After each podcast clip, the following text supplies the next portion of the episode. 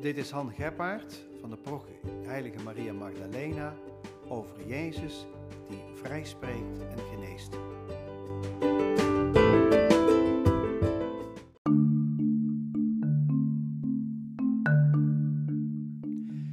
Ik heb met verbijstering, met boosheid en ook verdriet de beelden gezien waarin de ravage zichtbaar wordt die relschoppers deze week in verschillende steden hebben aangericht.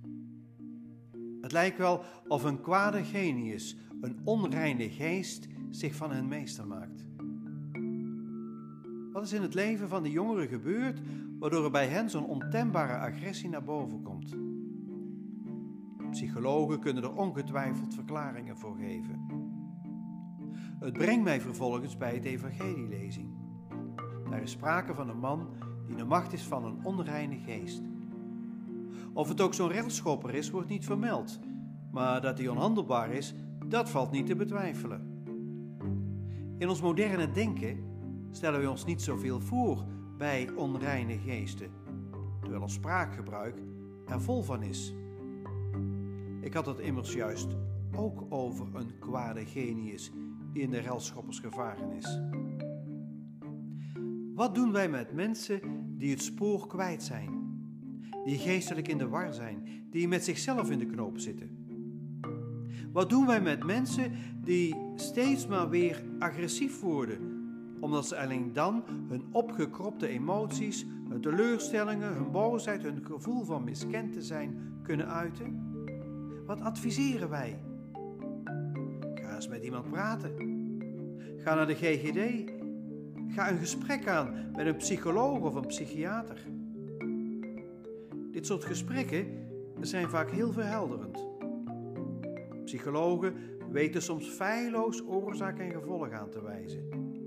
Ze weten je precies duidelijk te maken waar jouw probleem zit. En zo word je een geval. Er kan een etiket op jou geplakt worden. De volgende stap is dan: en hoe moet je hier nou mee omgaan? En vaak blijft het daar dan bij. Hoe belangrijk het werk van psychologen en mental coaches ook is, het reikt niet ver genoeg. Uiteindelijk geneest het niet.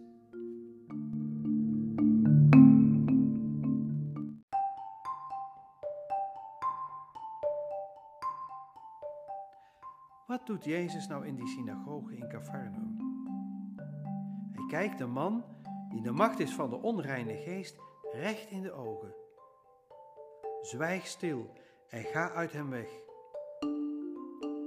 De woorden van Jezus zijn krachtig. Ze bezitten gezag. Ze hebben effect, want de man geneest. Hij komt weer bij zinnen, bij zijn diepste zelf, bij wie hij echt werkelijk is.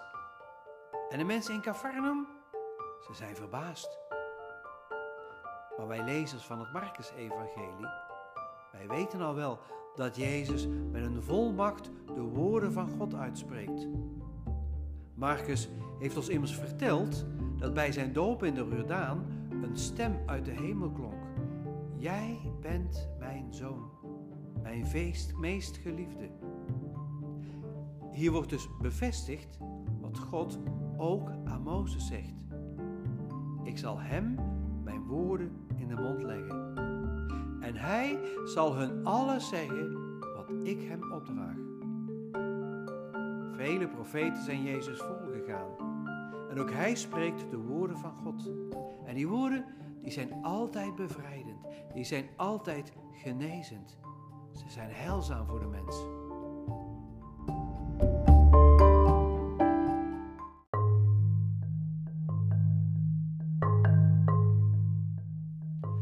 Het werk van psychologen en psychiaters, mental coaches, geestelijk begeleiders ophoudt, daar kan alleen Jezus verder gaan. Hij spreekt immers de woorden van God. Wie uiteindelijk met Jezus in gesprek gaat, wie zijn of haar hart voor Hem opent, die kan de weg van werkelijke genezing gaan en ook afmaken. Zijn woorden bezitten gezag. Zijn woorden spreken immers vrij. Vrij van zonde, vrij van kwetsuren, vrij van gebrokenheid.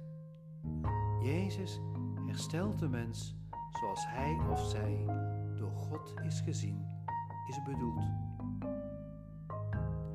Heel veel jonge mensen, trouwens ook heel veel volwassenen, kennen Jezus niet. Onze God is bij velen uit het bewustzijn verdwenen.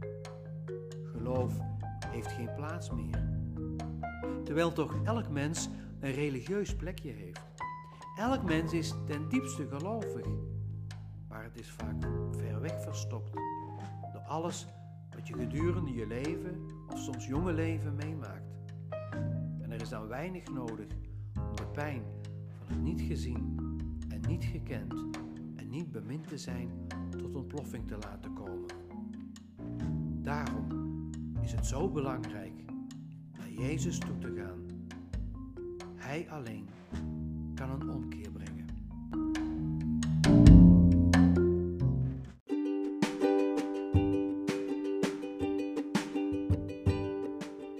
Dit was Han Geppaard over Jezus die ons echt kan vrijspreken.